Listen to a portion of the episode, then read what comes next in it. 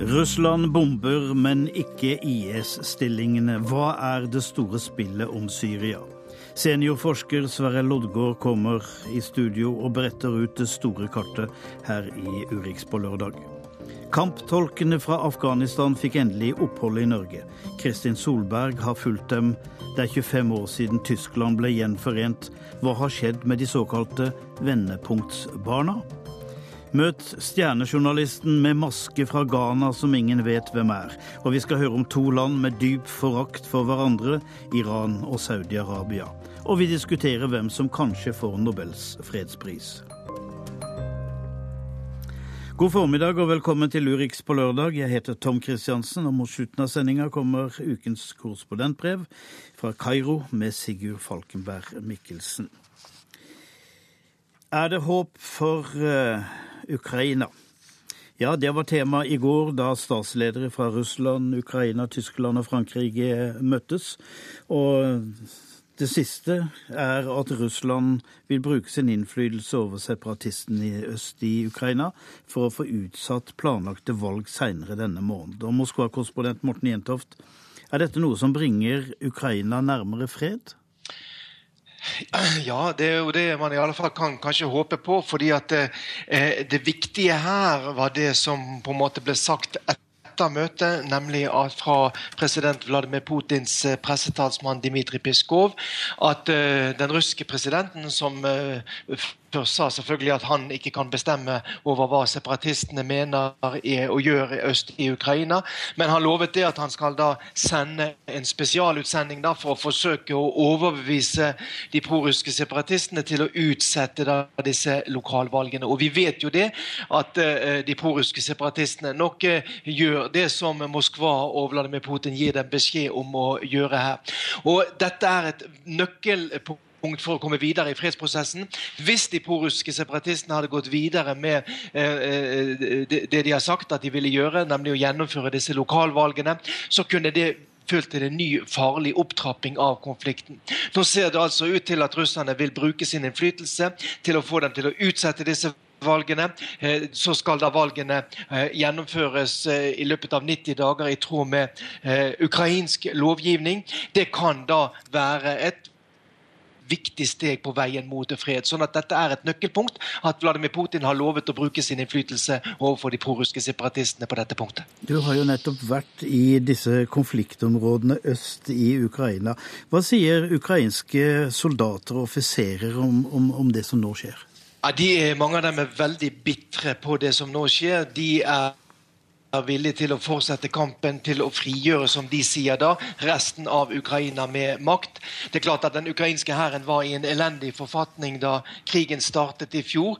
I dag er situasjonen langt bedre. De vet at de sannsynligvis nå er sterkere enn de prorussiske separatistene.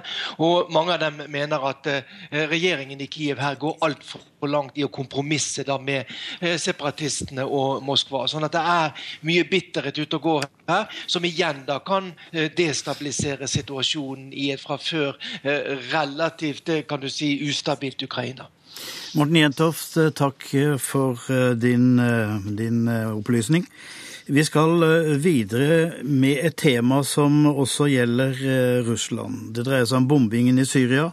Den skaper nå stor bekymring i Vesten. USAs president Barack Obama sier at bombingen kan komme til å styrke IS, siden de fleste russiske bombene rammet eh, den mer moderate opposisjonen, altså president Assads nære fiender. Russland selv sier de har bombet mål i, som er IS-mål. Sverre Loddgaard, du er seniorforsker ved, ved, NUPI. Vi skal snakke om det store spillet nå, fordi det holder ikke å se på Syria-kartet. Du må brette ut det store kartet med de store hva, hva er den store agendaen til russerne? De prøver å gjenvinne eh, sin stormaktsrolle i Midtøsten. De tapte Egypt i 1974 etter Jom Kippur-krigen. Tapte Irak i 2003, og i 2011 tapte alle eh, Libya. Eh, nå har de igjen et brohode eh, i eh, Syria. Og så ser vi i dag konturene da av en større koalisjon med Russland, Iran, regjeringen i Bagdad, regjeringen i Damaskus og Hizbollah. Får se hva det blir til med kurderne. Så den russiske agendaen er nok for all del å holde fast på brohodet i Syria, og så prøve å ta dette videre utover i regionen. Det er vel det fromme ønsket i Moskva. Og så har du USA, som også har sin agenda. Som også har sin agenda, og som er eh, problematisk i utgangspunktet. For de sier vi vil bekjempe ISIL. Eh, men samtidig også Assad. Og Assad står i fremste rekke når det gjelder nettopp eh, bekjempelsen av, av ISIL. Men jeg registrerer at eh, når det gjelder synet på Assad og hans framtid, så synes det som om partene snakker seg sammen. Alle er enige om naturligvis det er jo et faktum at Assad er viktig i kampen mot ISIL, men samtidig tror jeg også alle parter innser at Eh, Assad har så mye blod på hendene. Jeg pleier å si at eh, brutalitet ligger i dette regimets DNA. At eh, før eller siden må han gå, og det sier nå også Obama. Iranerne har erkjent dette hele tida, at Assad er, er, forgjengelig. Og jeg tror også at russerne innser det. Men hva er det da som er, hva er, det som er drivkraften i dette? Er det å skape fred, eller er fred og krig bare virkemidler for å komme fram til et hegemoni? Ja, Vi vet jo at religion spiller en mye større rolle i Midtøsten enn i, i Europa. Eh, og skal en bevegelse bli stor og sterk i Midtøsten, må den ha en religiøs eh, forankring. Eh, men det er ikke derfor slik at de religiøse, sekteriske faktorene, fellesskapene, bestemmer de viktigste statenes utenrikspolitikk. Eh, tvert om, eh, når nasjonale interesser og sekteriske religiøse interesser er i kollisjon, eh, så er det de nasjonale interessene som vinner fram. Og slik er det også i Iran, som er det eneste landet hvor religiøse ledere også sitter i utøvende posisjoner. Eh, og med dette vil jeg vel også ha sagt at eh, eh, de nasjonale interessene, kampen om posisjoner og innflytelse, Eh, forklarer mer også i Midtøsten eh, enn noen annen faktor. Nå begynte vi å snakke om stormaktene. Det er jo de som står utenfor og skal bestemme hva som skal skje. Og så vet vi jo at de får jo aldri sin mening sånn den er. Kanskje ut fra akkurat de nasjonale hensynene. Og hvordan skal dette kunne spille sammen da i Syria? Syria, altså Hva er nasjonale interesser i Syria? Det er jo ikke lett å få øye på. Eh, nei, de nasjonale interessene eh, for, for, USA, som en stund har vært enerådende ekstern makt i, i Midtøsten, eh, kan jo oppsummeres forholdsvis enkelt. Naturressurser, fri fersel og sikkerhet for, for Israel. Men så involveres naturligvis USA ekstra når russerne kommer på banen, i kampen igjen om, om posisjoner og, og innflytelse. Så jeg ser dette som Eh, drivkraften for de viktigste aktørene. Eh, man vil ha fred, men man vil også eh, styrke sine egne posisjoner, og dette går ikke alltid så, så godt i hop, som kjent. Her ligger jo konfliktene på rad og rekke i Midtøsten. Kan denne Syria-konflikten spille over f.eks. til Israel og palestinerne? Spille over til Israel? Ikke til forholdet mellom Israel og palestinerne. Den konflikten har sin eh, egen, egen logikk. Eh, Israel har jo aksjonert når de har blitt beskutt på Golanhøyden. De har aksjonert for å hindre at moderne våpen som kan være farlige for Israel, faller i hendene på, eh, på Hezbollah. Da de så at russerne etablerte seg i Latakia, var Netanyahu klok. Han reiste til Moskva, inngikk en avtale der om eh, en hotline, en egen kommunikasjonslinje, eh, for å forhindre eh, incidenter. Og For russerne går det åpenbart en linje derfra og til Putins forslag i FN om en sikkerhetsrådsresolusjon for å koordinere de militære innsatsene. Og der ser jeg at man nå er da mellom USA og Russland. De snakker sammen hele tiden og har begynt å koordinere. Det miljøet som du beveger deg i blant eh, analytikere og utenrikspolitiske forskere, dere hører jo alle disse idealistiske talene hele tiden om menneskerettigheter og menneskenes frihet osv. Og, så og det som skjer, er jo en reneste faenskap. Blir man kyniker av det faget ditt? Eh, ja, det er det fort gjort å bli. For USAs del de gir økonomisk støtte og politisk støtte uh, til generalene i Egypt og til regimet i, Saudi-Arabia. Eh, de som står opp mot USA, eh, de får kanskje sanksjoner og eh, krigstrusler imot seg. Men det er ikke mulig å se noe mønster i dette på vegne av menneskerettigheter og demokratisk praksis. Sverre Loddegård, takk for kloke ord en lørdag formiddag. Vi skal videre til Afghanistan, for som vi husker, 25 kamptolker for den norske hæren i Afghanistan fikk denne uka beskjed om at de får asyl i Norge. Det skjer at etter at de først fikk avslag for to år siden. For mange har denne ventetida blitt lang, med stadige dødstrusler fra Taliban. Vår korrespondent eh, Kristin Solberg har fulgt dem tett de siste årene. Tirsdag var den beste dagen i livet til en afghansk mann på flukt i Tyrkia. Men det er mest fordi de siste årene har vært så vanskelige. Frykten for hans eget og familiens liv så stor så lenge. Da telefonen ringte, var det ikke en ny trussel denne gangen, men heller beskjeden han har ventet på i tre lange år. 29-åringen har fått asyl i Norge.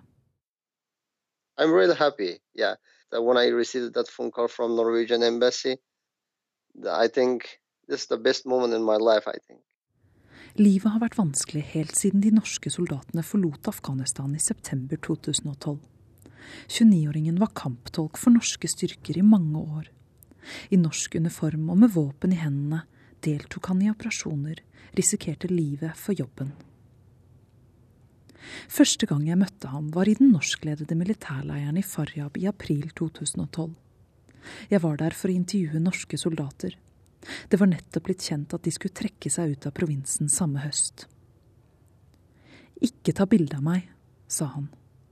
Han forklarte at han ikke ville ha bilder av seg selv i mediene sammen med norske styrker, fordi han fryktet at det kunne føre til trøbbel med Taliban. De ville se på ham som en forræder. De ville ikke nøle med å drepe ham. Jobben han kom til å miste når nordmennene straks dro, var en hemmelighet han kun delte med nær familie. Neste gang jeg møtte ham, var ett år senere, Norske soldater var ute av Faryab, og ikke lenge etter at de hadde dratt, var det gått akkurat slik han fryktet. Han hadde fått trøbbel med Taliban. Jeg møtte 29-åringen sammen med flere av hans tidligere kolleger i byen Mazar-e Sharif i nord. Det var ikke lett å få til møte. Flere levde i skjul nå, de ville ikke bli sett på gaten. Mange av dem hadde fått dødstrusler. Over 50 tolker og 50 kjøkken- og renholdsarbeidere som jobbet for den norske leiren, hadde søkt om asyl i Norge. Da jeg møtte dem, ventet de på svar. De hadde ventet lenge. Hver dag, som 29-åringen sa, var som et år. Like etter at norske styrker trakk seg ut, var det kommet et trusselbrev på døren hans. Taliban skrev at de ville drepe ham og familien hans hvis han ikke kom til dem og delte det han visste om utlendingene. Det var også kommet flere telefontrusler. Jeg kjente problemet godt. Jeg bodde i Kabul på den tiden, og tolken jeg vanligvis jobbet med, en ung mann i 20-årene, tok aldri telefonen hvis jeg ringte mens han var på offentlige kontorer, i en taxi eller rett og slett ute på gaten. Han ville ikke at fremmede skulle høre at han snakket engelsk, de ville skjønne at han jobbet med utlendinger, med dem mange så på som en okkupasjonsmakt i Afghanistan.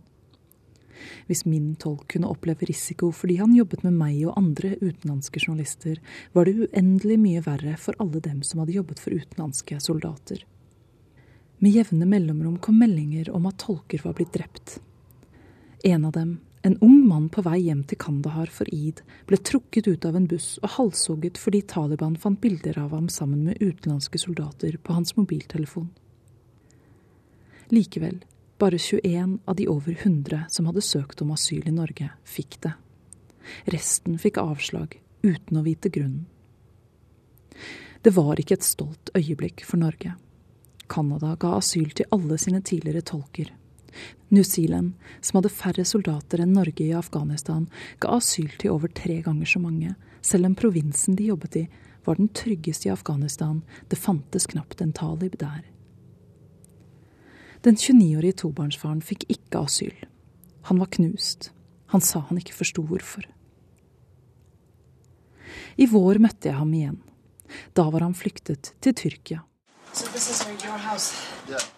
Han bodde sammen med fem andre i et knøttlite hus, hadde knapt penger til å spise og slett ikke til å ringe hjem. Han hadde ikke sett sin kone og to små barn på et år. Right now, I really have many problems because I work with ISAF with Norwegian forces. My family under the risk. I received two threat letters from Taliban and more than 25 phone calls. Finally, I left my country. Right now, I'm in Turkey, Istanbul. Jeg ba ham om å lese et av trusselbrevene, det som endte med at Taliban tok over familiegården i Faryab. If you not us, we will kill you or you are one of your uh, family member. And also the land after that, you not um, anymore the owner of this land. They took your land? Yes, your family's they, land? Yes.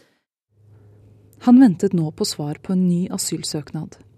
Etter press fra mediene og historien om Faizullah Moradi, kamptolken som ble kastet ut av Norge, men senere fikk komme tilbake, hadde norske myndigheter sagt at de skulle gjenoppta tolkenes saker. 29-åringen hadde et lite håp, men det var blitt knust før. But I don't know what will happen in the future with my family. We lost everything. If I knew, if I faced with these kind of problems, Denne uken fikk han altså endelig asyl i Norge, sammen med 24 andre. Nå vil han snart bli gjenforent med sin kone og to barn. Men det er andre igjen. Rundt 50 kjøkken- og renholdsarbeidere som alle fikk avslag i første runde, og de fikk aldri muligheten til en ny vurdering, slik tolkene fikk. De har ikke vært ute på oppdrag i norsk uniform, men mange er blitt observert på veien til og fra den norske leiren i Faryab, og flere av dem har mottatt trusler men de får neppe sjansen til å dra.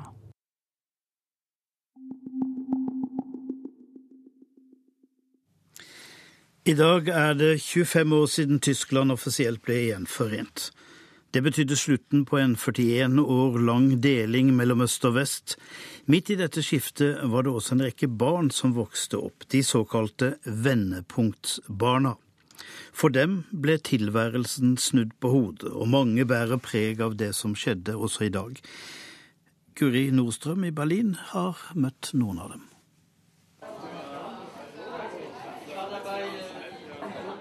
På Niesen kafé i Prenzlauer Berg i Berlin er utestolene tatt inn. Lokalet er fylt opp av rundt 50 mennesker med minst én ting til felles. De var alle barn eller tenåringer da Berlinmuren falt. De er de såkalte Wendekinderen, vendepunktsbarna. I dag er de mellom 30 og 40 år gamle. Hvor kom vi her, og wo går vi hin? Og dass wir, auch darauf liegt die Betonung jetzt heute Abend, Adriana Letrari ønsker velkommen til møtet. Hun er selv vokst opp i Rostock ved Østersjøen, i det som en gang tilhørte Øst-Tyskland. For fem år siden startet hun nettverket Tredje generasjon øst, sammen med kjæresten Hagen Pitschker. Und ich weiß noch, vi abends vor einer Talkshow saßen, wo es darum ging damals um die Debatte, ob die DDR ein Rechtsstaat war oder kein Rechtsstaat. Vi satt og så på et talkshow på TV hvor de diskuterte om DDR var en rettsstat eller ikke. I panelet var det fire-fem personer fra gamle Vest-Tyskland og bare én fra gamle øst. Da reagerte Adriana sterkt. Hun sa det kan ikke lenger være sånn at det kun er folk fra tidligere Vest-Tyskland som snakker om det som skjedde i øst. Hvor er foreldrene våre? Hvorfor uttaler ikke de seg? Hvis det er slik at de ikke vil snakke, så får vi gjøre det, da. Vi har også erfaringer å komme med, sier Pitschker. Og med det var organisasjonen startet. 2,4 millioner østtyskere ble født mellom 1975 og 1985. De hadde behov for å snakke sammen, og ikke minst bli hørt. Sondern wir müssen jetzt mal zusammenkommen und dass es eine Aufgabe unserer Generation ist. Ja, die Zeit danach war geprägt äh, von ganz vielen ähm, Aufbrüchen, äh, aber auch Einbrüchen, Umbrüchen. Tiden etter murens fall var preget av en rekke oppbrudd. Vi fikk ny valuta, nytt politisk system, nytt skolesystem, gatenavn ble skiftet ut, bygninger ble revet ned. Flere opplevde at foreldrene mistet jobbene sine. Noen måtte ta utdannelsen på nytt fordi den ikke var godkjent i det nye systemet. Mange måtte begynne helt på nytt. Som barn forsto vi ikke alt som skjedde.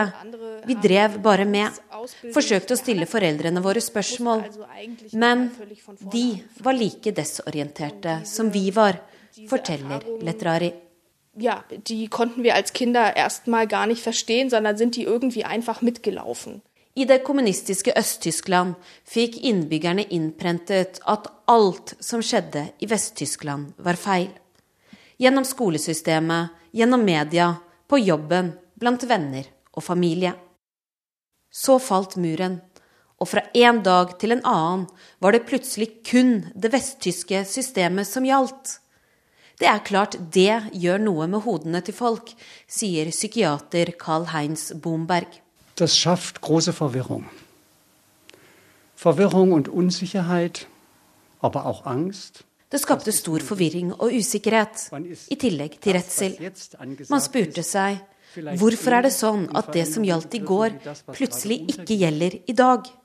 Mange foreldre hadde nok med å finne ut av situasjonen selv, og ikke tid til å prate med barna. Konkret førte det til at mange fikk identitetsproblemer, problemer med å motivere seg på skolen, og også hyperaktivitet, forteller Bomberg, som selv har skrevet boka de skjulte sårene, om senvirkningene av DDRs politiske regime. Den massive overvåkningen fra Stasi, alle arrestasjonene og torturen av dem som ble sett på som fiender av systemet, er ikke det eneste som har satt spor i menneskene fra øst. I dag feirer Tyskland at det er 25 år siden de offisielt ble ett land igjen.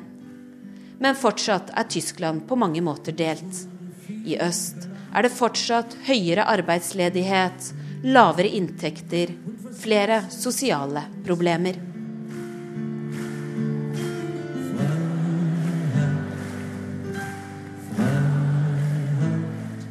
Under gjenforeningen sang artisten Westernhagen at frihet, frihet er det eneste som betyr noe.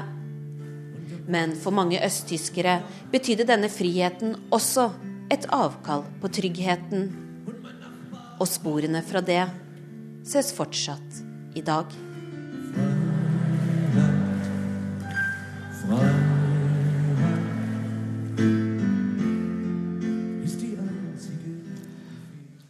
I det vestafrikanske landet Ghana skremmer fenomenet Anas vannet av landets makthavere. Han forbløffer sitt publikum, begeistrer president Obama og imponerer journalistkolleger over hele verden.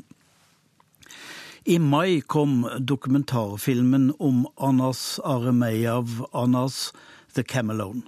Der beskrives han som journalistikkens svar på James Bond, forteller Sverre Tom Radøy.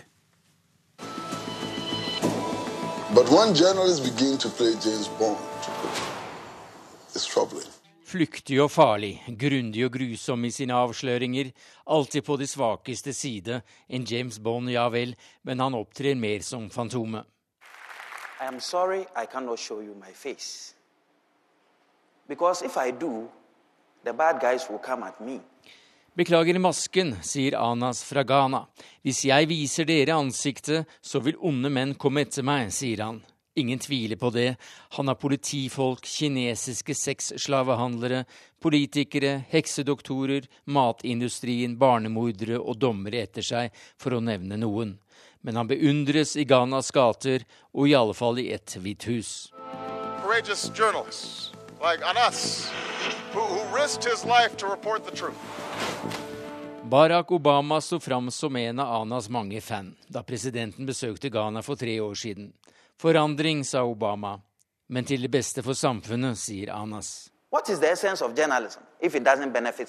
I denne videoen fra det amerikanske ressurssenteret TED står han litt hengslete på den store scenen foran en fullsatt sal. Svarte bukser, svarte joggesko, svart skjorte, glorete vest og en bøttehatt på hodet. Fra bøttehatten henger det røde og hvite ledninger ned. Ansiktet må skjules.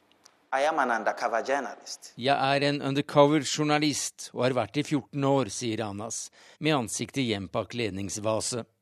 Han kunne lagt til at han lot seg fengsle for å vise overgrep bak murene, at han svingte moppen som vaktmester på bordellet da han avslørte to ringer med sexslaveselgere, det ene kinesisk. Han var den dopede rastafarimannen på lukket avdeling som avslørte grove overgrep mot pasienter. Han var fangen på nabocella som filmet faenskapet i Akras fengsler med spionkamera. Han var oljesjeiken og den barmfagre investoren med røde lepper og høyhælte sko.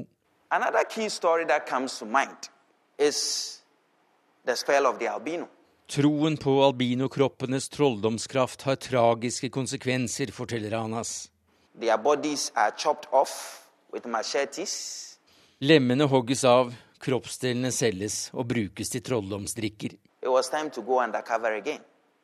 For the first time, I filmed on hidden camera the guys who do this. Anas fikk laget en hvit kunstig arm og møtte oppkjøperne. De trodde det var ekte vare, rett i fengsel. My journalism is hinged on three basic principles. Naming, Min journalistikk er basert på tre grunnleggende prinsipper, sier Anas. Å bevise, å plassere skammen og få skurkene fengslet. Journalistikk handler om resultater, sier mannen bak masken, og han lykkes. Mange sitter bak lås og slå av FBI, som han også kalles. Den siste dokumentaren hadde premiere denne uka. Det tok to år å lage Ghana in the Eyes of God, der dommere tas med buksene nede og det publikum får se, skal være dommere som mottar penger og sex i bytte mot lavere straffer. Publikum både hånlo og ble fortvilet over landets betrodde menn i parykker. Anas sendte bevismateriale mot 34 kappekledde over til presidenten. Anas er en gåte, ifølge BBC. Det du får vite fra Wikipedia om barndommen, er lite. Han vokste opp i en militærforlegning. Punktum. Men ikke finale. For dette slutter ikke, sier Anas. Dette er kampen mellom det gode og det onde. This will not stop. I'm going to carry on with this kind of journalism. Because I know that when evil men destroy, good men must build and bind. Thank you very much.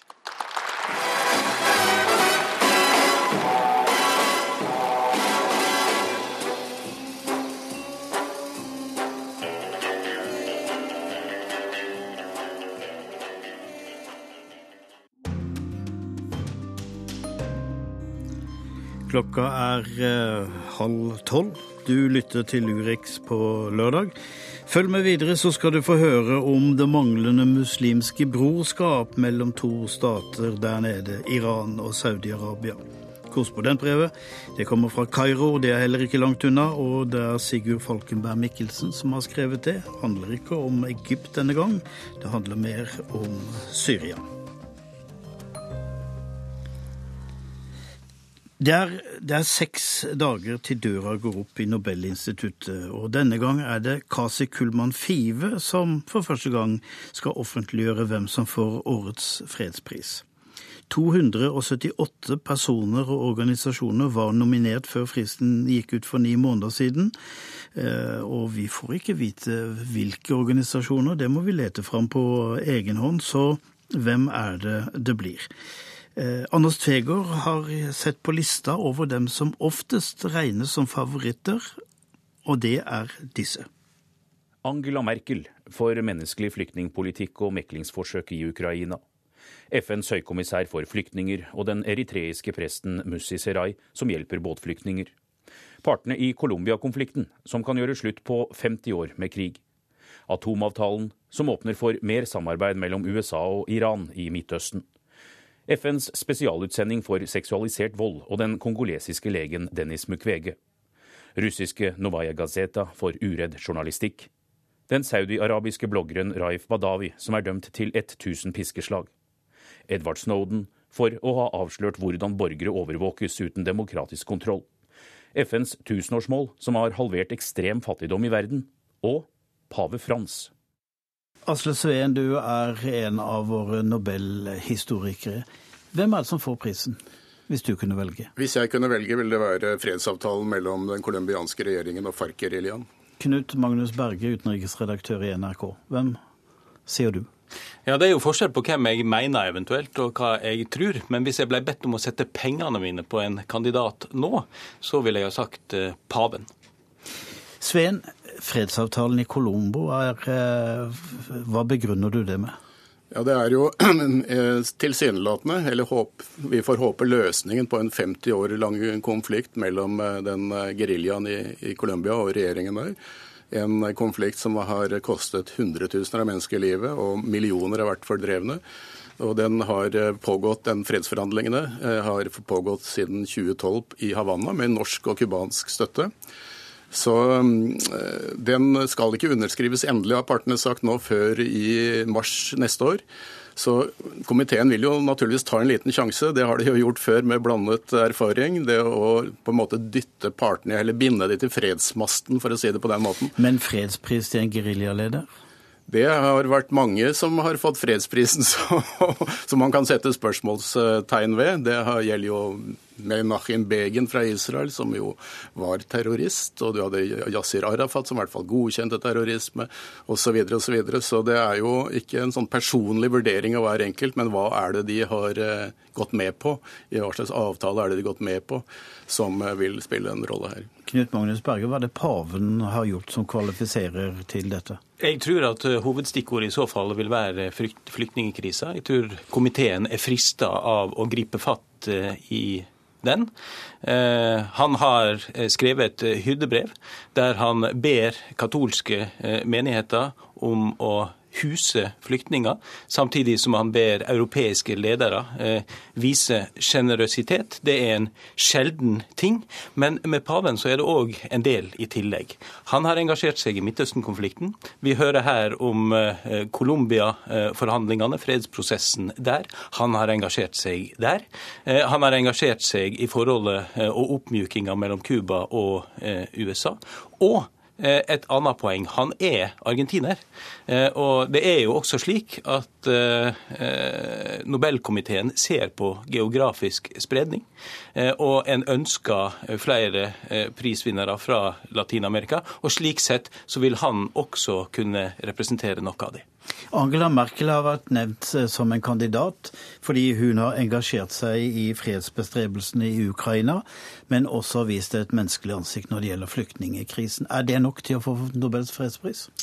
Ja, altså hun, jeg vet hun er nominert for, eh, for fredsforhandlingene i Ukraina, men det spiller jo ingen rolle for komiteen, for nå har jo hun kommet eh, ja, voldsomt eller veldig positivt på banen i forbindelse med flyktningkrisen, og nærmest gitt Tyskland vel et, eh, et helt nytt ansikt.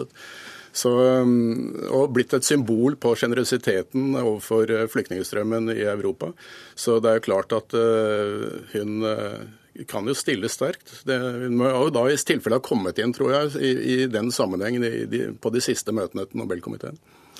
Men her er det jo også andre som har nevnt, altså FNs høykommissær for flyktninger. Ja. Eh, eh, men har de gjort noe spesielt annet enn å gjøre jobben sin? Nå eh, har det skjedd før at folk har fått prisen for å gjøre jobben sin. Og hvis den jobben er fornuftig og fin, så er jo det en god ting at man gjør jobben sin. Det samme vil jo en kunne hevde om OPCV, som fikk prisen for to år siden for sin kamp mot Eh, kjemivåpen. Eh, så det er ikke noen utenkelig eh, kandidat. Og jeg syns det er en Hvis man ser på de siste åra, så er det en god tilnærming når en skal prøve å spå og se på hva som er de mest aktuelle problemstillingene som preger et nyhetsbilde, og hva som så å si fanger tidsånden. Og det er klart at Flyktningkrisa er nok den som har preget nyhetsbildet de senere ukene og månedene i en slik grad at den vil være fristende å gripe til for Nobelkomiteen. Og da vil FNs høykommissær for flyktninger være en mulig kandidat. Men her dukker det jo også opp et merkelig navn, en eritreisk prest som, eh, som, er blitt nevnt, og som er nominert, Musi Serai. Hva, hva, har han gjort? Ja, Musi Sarai han har jo vært en støttespiller for spesielt de flyktningene som har flykta gjennom Nord-Afrika, eller gjennom Sinai og Nord-Afrika, og en, tatt den farefulle ferden over eh, Middelhavet. Han har jo blitt beskyldt for å bli oppmuntret til at de skulle komme, men som han selv svarer at de han hjelper, er folk som flykter for, rett og slett for å redde livet. Så han fra Vatikanet da, så har han eh, holdt kontakt, radiokontakt og telefonisk kontakt og, og sørget for at italienske kystvakt osv. har reddet eh, flyktninger. Når det gjelder Høykommissariatet, så har jo ja, vi også det høyt oppe på lista som aktuelle kandidater. Fordi de har jo fått fredsprisen to ganger før. Røde Kors har fått den tre ganger, så det er mulig at de kunne få det. Og de hjelper jo nå, særlig i nærområdene, og har en appell nå om at det er for lite penger. Nå må, nå må eh, stormaktene og statene spytte i kassa, slik at de får nok penger. Dessuten var jo Fridtjof Nansen verdens første høykommissær for flyktninger i Folkeforbundet, så det er en vakker tradisjon. Og så kan jo også det tenkes at eh, flere får prisen samtidig, mm. for samme tematikk. Ja. Eh, så her er det mange muligheter. Det er, tre, det er, muligheter til å gi til tre personer, eller tre stykker samtidig. Mm. Ingen av dere nevnte Edward Snowden? Jeg tviler på at Edward Snowden får eh, prisen, men han har jo vært høyt i spekulasjonene de siste åra. Eh, og er det i og for seg også i år, kanskje med litt mindre intensitet enn i fjor. Eh, nei, jeg tror ikke at komiteen tar sjansen på å legge seg ut også med USA. Jeg er enig i det. Og med komiteens nye sammensetning, hvor da SV er helt ute av komiteen, så han er jo nominert av SV-politikere, så så tviler jeg veldig sterkt på at de vil ta den sjansen. Skal prisen gå til den som har tenkt godt, argumentert overbevisende eller gjort noe stort? Ja, Dette har jo vært eh, et dilemma for komiteen. De, vi kan si den, de første fredsprisene var jo til de som hadde tenkt stort. Så kom en bombe faktisk i 1906 med prisen til Teddy Roosevelt. Han var jo naturligvis en imperialist, og på mange måter fikk han en ganske drepende konsulentuttalelse av Halvdan Koht. Men politikerne valgte da Han hadde jo meglet eh, i fred mellom Russland og, og Japan. Uh, og han var ganske aktiv når det gjaldt uh, å bruke voldgift i grensekonflikt med Mexico. Han gjorde ting, han var jo en statsmann, han hadde muligheten til å gjøre noe. og Det, det dilemmaet har komiteen stått uh, overfor i hele sin historie. Det blir gjerne bråk når du gir det til, til statsledere, f.eks. Ja, for de har jo en historie som er større enn en konkret fredsinnsats. Ja, men det er ikke risikofritt å dele ut Nobels fredspris. Eh, komiteen har jo tatt sjanser før, eh, og som ble nevnt tidligere her, med vekslende hell. Men de kan jo komme til å ta sjanser igjen. Det står at prisen, prisen skal gå til den som det siste året har vist en særlig innsats. Det betyr altså at dette ikke er en pris for lang og tro tjeneste i fredens ærend? Akkurat det siste året har jo komiteen sett bort fra i, i en lengre periode. Det har, og det ble sagt veldig tidlig til og med av Bertha von Suttner at akkurat den bestemmelsen, selv om hun uh, inngår i diskusjonen omkring, uh, omkring, fredsprisen og tolkningen av testamentet, så at det var for rigid. Det, var, det ville være helt umulig å få delt ut noen fredspris hvis man skulle holde seg til akkurat den bestemmelsen.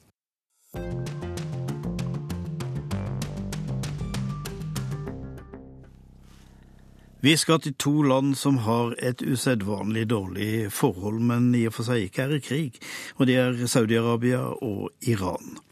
Dette er en konflikt som strekker seg mange år bakover, og nå er det verre enn før etter årets pilegrimsreise til Mekka, hvor nesten 800 mennesker ble trampet i hjel. Mange av dem var iranere, og nå kritiserer Iran Saudi-Arabia for dårlig sikkerhet. Men det ligger mye mer under her. Det forteller Cecil Wold. Hvis vi skal dra til den hellige byen Kum, må du dekke deg til, sa tolken Mahmoud. Han skulle følge meg på mitt første besøk i Iran. Jeg har heldekkende abaya, sa jeg. Mahmoud fnøs foraktelig. Abaya er for arabere, vi er persere, sa han.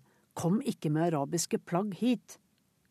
Iranerne føler seg hevet over araberne.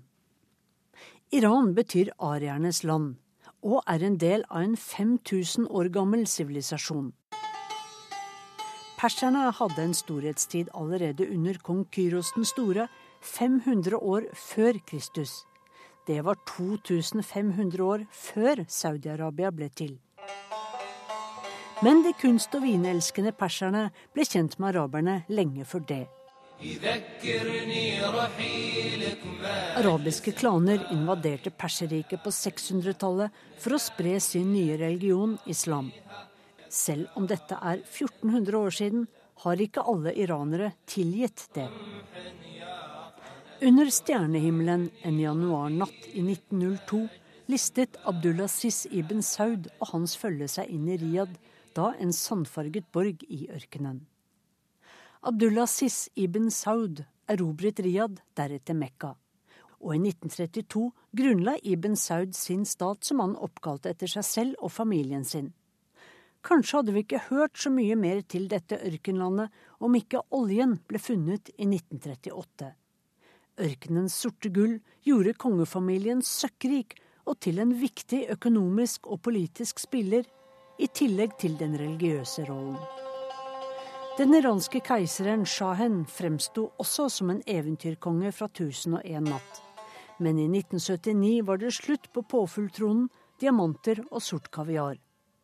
Et fly fra Paris brakte med seg Ayatollah Khomeini på den islamske revolusjonens vinger. Iran ble til Midtøstens islamske republikk. Kongen av Saudi-Arabia, som også er vokteren av de to hellige moskeer i Mekka og Medina, fikk konkurranse. Men, tenkte saudierne, det er vi som eier islams vugge, Mekka. Kong Abdullah Sis ibn Saud hadde ikke ligget på latsiden. Med sine mer enn 20 koner og gemalinner fikk han over 100 barn. Av de 45 sønnene stanser vi opp ved den 25. Salman bin Abdulaziz bin Abdulrahman bin Faisal bin Turki bin Abdullah bin Mohammed bin al-Saud eller kong Salman som han også kalles, ble konge i januar og vokter av de to hellige moskeer i Mekka og Medina.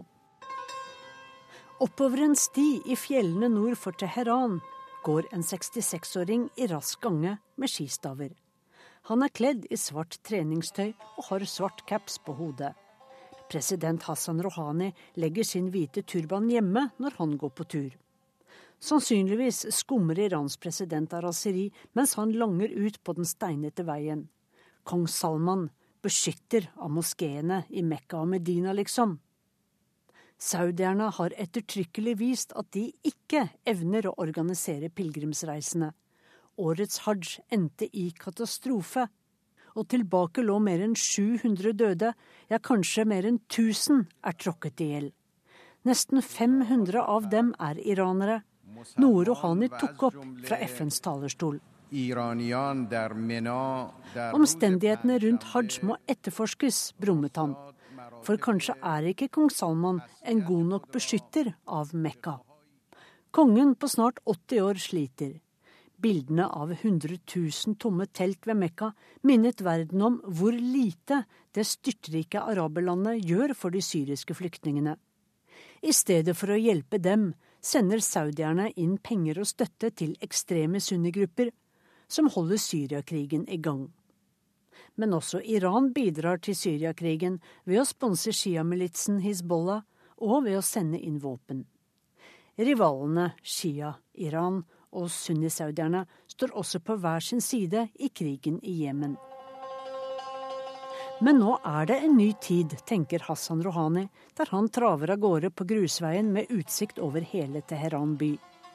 Med årets atomavtale får han innfridd valgløftet sitt. Iranerne skal komme ut av isolasjonen. Kong Salman derimot går med tunge skritt rundt i palassene sine, i sine flagrende, gullpyntede silkekapper. Ikke bare tråkker pilegrimene hverandre i hjel i Mekka, Oljeprisene faller. Og i tillegg forsøker et av barnebarna til Abdul Aziz ibn Saud å avsette ham. Det er uro innen kongefamilien og i folket, sier den unge prinsen, som foretrekker å være anonym, til avisen The Guardian. Kongens helse er ustabil, så i praksis er det sønnen Mohammed som styrer, sier prinsen, som har med seg flere på opprørslaget. Fire-fem av onklene hans legger planer med mange av prinsens fettere. og fettere er det mange av i en kongefamilie som har mellom 15 000 og 25 000 medlemmer. En ny generasjon krever endring, både innenfor og utenfor palassene. Irans president kan bare lene seg tilbake og vente. Men ikke for lenge. For som i Saudi-Arabia har også Iran en stor, ung og utålmodig befolkning som vil opp og frem.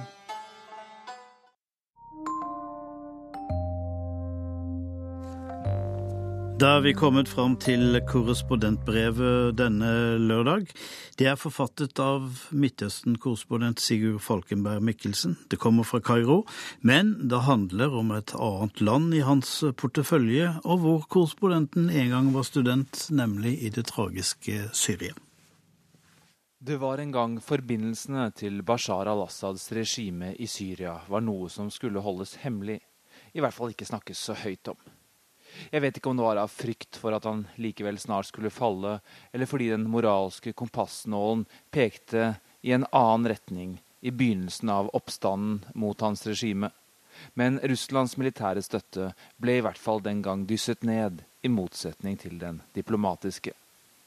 Det nærmeste jeg kom da jeg forsøkte å lage en sak om russernes marinebase i Tartus på den syriske middelhavskysten, var noen oversiktsbilder fra havneområdet og et intervju med havnedirektøren, som ved siden av bystene av far og sønn Assad også hadde et bilde av et russisk hangarskip ved det store skrivebordet sitt.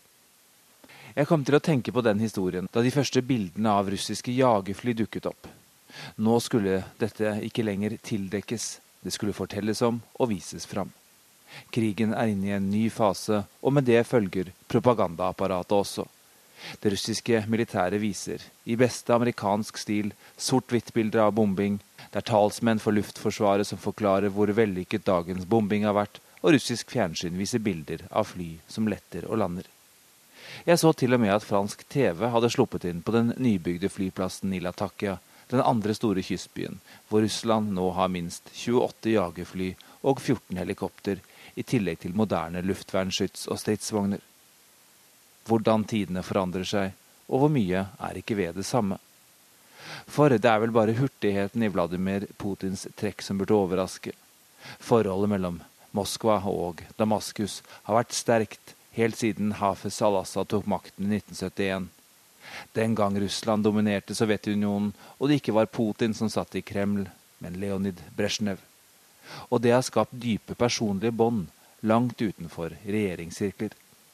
Da jeg bodde i Damaskus midt på 2000-tallet for å studere arabisk, var ofte taxisjåførenes første spørsmål om jeg var russer. I begynnelsen ble jeg overrasket. Etter hvert lærte jeg meg til å se på det som en god start på en samtale under kjøreturen mellom min hybel i Jisr al-Abiad-bydelen for lokalkjente og ut til universitetet i Messe. Mange hadde en eller annen personlig forbindelse til Russland, f.eks. en slektning som hadde studert eller jobbet der, og ofte forelsket seg underveis og kom hjem med russisk kone eller kjæreste. Men det regimet Russland støttet da, og det de støtter nå, er likevel vidt forskjellige. Den gang støttet de et statsapparat som hadde full kontroll over et av Midtøstens viktigste land, med grenser til regionale stormakter som Tyrkia, Israel og Irak. Ingenting skjedde i Midtøsten uten at Syria og deres mange etterretningsorganisasjoner var involvert, Damaskus var lenge tilholdssted for palestinske grupper som Hamas og PFLP, grupper som i Vesten ble stemplet som terrorgrupper, men som sikret både Damaskus og Moskva innflytelse i det maktpolitiske spillet. Nå derimot, etter fire år med først fredelige demonstrasjoner, dernest et væpnet opprør, er det en betydelig svekket alliansepartner Russland går inn og støtter. Hans kritikere vil til og med mene at Russland nå holder ham i live. Assads styrker har lidd nederlag i nord og vest, delvis i sør og rundt Damaskus, uten at opprørerne har klart å gjøre et avgjørende gjennombrudd. Det er derimot ganske klart for de fleste observatører her i Midtøsten at Assad aldri vil klare å regjere over hele Syria igjen, og at det kanskje ikke engang vil være noe Syria å regjere over når alt dette er ferdig. Ofte snakker vi om Assads regjeringsstyrker og opposisjonsstyrker, som om dette var sammenhengende størrelser, organisasjoner med tydelige kommandolinjer og tydelige prioriteringer. Slik er det ikke. Og selv om det er en betraktelig mer uoversiktlig situasjon på opprørssiden, jeg kommer til det om litt, så er det heller ikke slik at Assads styrker er en monolittisk gruppe. I begynnelsen var det den syriske regjeringshæren som dominerte. Den er fortsatt aktiv, men er betraktelig svekket etter en lang krig, og støttes nå opp av den sjiamuslimske gruppen Hizbollah fra nabolandet Libanon, iransk bistand, sjiamuslimske grupper fra Irak. Det er til og med kommet rapporter om sjiamuslimske fremmedkrigere fra Afghanistan. I tillegg til dette lener regimet seg mer og mer på lokale militser, den såkalte National Defense Force, i tillegg til de fryktede gjengene, kjent i Syria som Shabia. De står ofte for de verste ugjerningene. På opprørssiden er det enda mer uoversiktlig. Her er det ofte lokale organisasjoner som raskt endrer sin lojalitet og tilhørighet, ofte av praktiske grunner fordi de sliter med å skaffe våpen og penger. Vi har hørt mye om IS det siste året, og de er tjent på å være den mest nådeløse og samtidig best organiserte gruppen. Det har gjort at de har kunnet befeste seg i et forholdsvis stort, men lite befolket territorium nordøst i landet.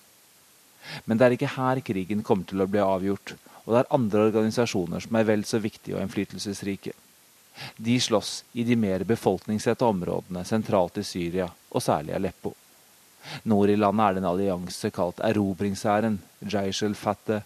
Den er trommet sammen av Tyrkia og Saudi-Arabia og inneholder grupper som islamistgruppen Ahrar al-Sham og Al Qaidas organisasjon Støttefronten, eller Jabhat al-Nusra, og andre mer moderate grupper.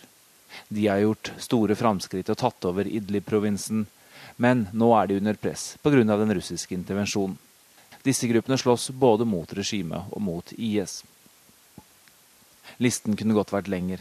De aller fleste gruppene får støtte i en eller annen form fra land som ønsker å fjerne Assad fra makten. Og Russland er som kjent ikke den eneste militære stormakten som bomber aktivt i Syria. Det er ganske tett i det syriske luftrommet for tiden, hvor den amerikanskledede koalisjonen bomber IS, Israel bomber når de finner det nødvendig, oftest dreier det seg om våpenleveranser til Hizbollah. Og like før Russland gikk inn, hadde Frankrike sine første bombetokt, da mot IS-mål nord i landet. For ikke å glemme Assads eget flyvåpen som utrettelig bomber sivile områder. Forvirret? Du er ikke alene om det. Verken diplomater eller syriakjennere kan tilby noen tydelig vei ut av uføre, rett og slett fordi den ikke finnes. For et par uker siden var jeg på et flyktningsenter i Kairo. Dette var et kvinnesenter hvor de fikk opplæring i alt fra matlaging til markedsføring på internett. Og selv om dette ikke var de verst stilte syriske flyktningene, de tenkte alle på å dra videre mot Europa. Da jeg satt utenfor senteret med avslått kamera, kom noen av kvinnene bort til meg. Jeg husker særlig hvordan en av dem hadde en svart kåpe med et lite rift ved skulderen. Et rift som fortalte meg at selv om ikke de bodde på gata, så var de i en vanskelig situasjon.